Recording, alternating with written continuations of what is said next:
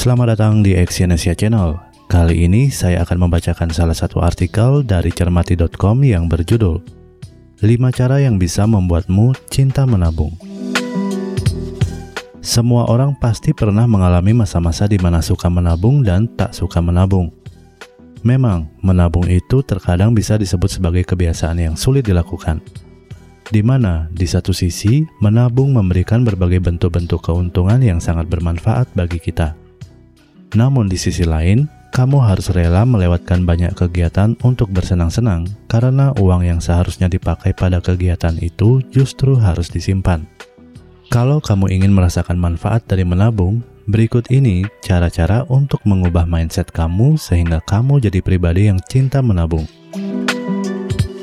Yang pertama adalah tentukan tujuan dari menabung.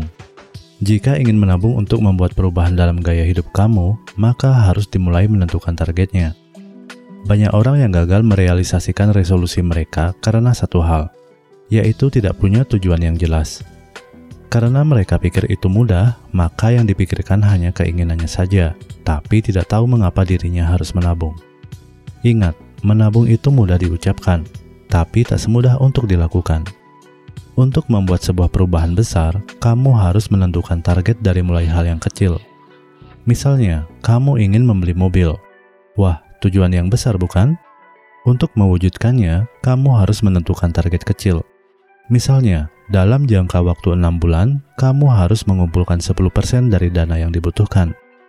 Sehingga dalam setahun sudah bisa terkumpul untuk membayar biaya down payment atau uang muka. Saat menentukan target yang ingin dicapai, kamu bisa menentukan reward yang diinginkan jika berhasil mencapainya. Hadiah tersebut sebenarnya hanya untuk membuat diri sendiri termotivasi untuk menabung.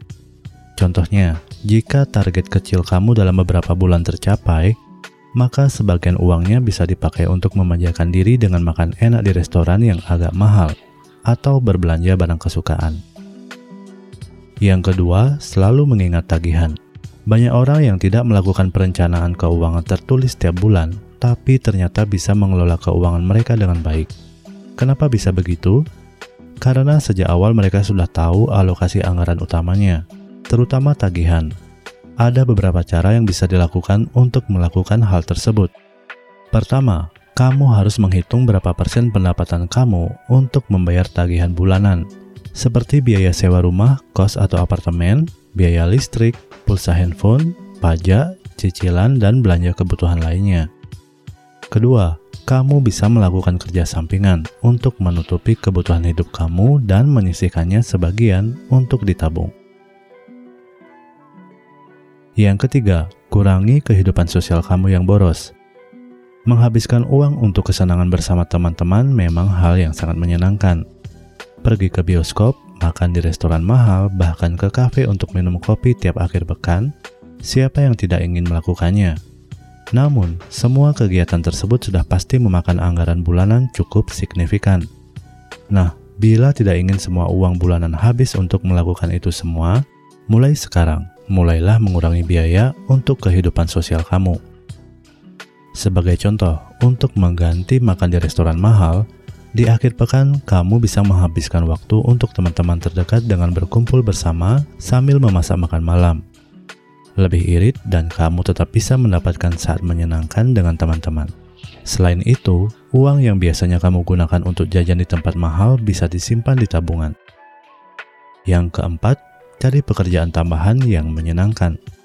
Hari-harimu sudah cukup sibuk di kantor untuk menghasilkan gaji bulanan Meskipun begitu, siapa bilang kita sudah tidak punya waktu untuk melakukan hal lain untuk menambah pemasukan? Misalnya, kamu punya hobi fotografi. Kenapa tak menyalurkan hobi itu untuk menjadi fotografer lepas tiap akhir pekan untuk menambah uang? Atau menjadi penulis lepas untuk artikel-artikel di website? Uang tambahan itu bisa disimpan, sehingga jumlah tabunganmu pun semakin banyak. Yang kelima, pertimbangkan kembali alokasi pengeluaranmu. Begitu banyak barang yang ingin kita miliki setiap waktunya, namun perlu diperhatikan lagi, apakah semuanya berguna atau tidak. Untuk menjawabnya, identifikasi lagi apa saja yang kamu butuhkan untuk dibeli dan mana saja yang tidak. Misalnya, kamu bisa menonton TV secara online di internet. Kenapa harus menggunakan langganan TV kabel yang mahal? Selain itu, kamu juga bisa berhenti jadi anggota klub kebugaran dan ganti dengan kegiatan lari tiap pagi. Dengan mengidentifikasi pengeluaran yang penting dan tak penting, kamu akan melihat ada banyak nominal uang yang sebenarnya bisa disimpan untuk tabungan. Apakah kamu siap melakukan cara-cara tadi dan kemudian menabung? Jangan lupa siapkan mental, karena bisa saja kamu akan terkejut ketika mengetahui betapa menyenangkannya memiliki tabungan untuk menciptakan masa depan yang sejahtera. Terima kasih telah mendengarkan audio artikel ini dan silakan cek link di bawah untuk membaca artikel yang saya bacakan di cermati.com. Salam sukses.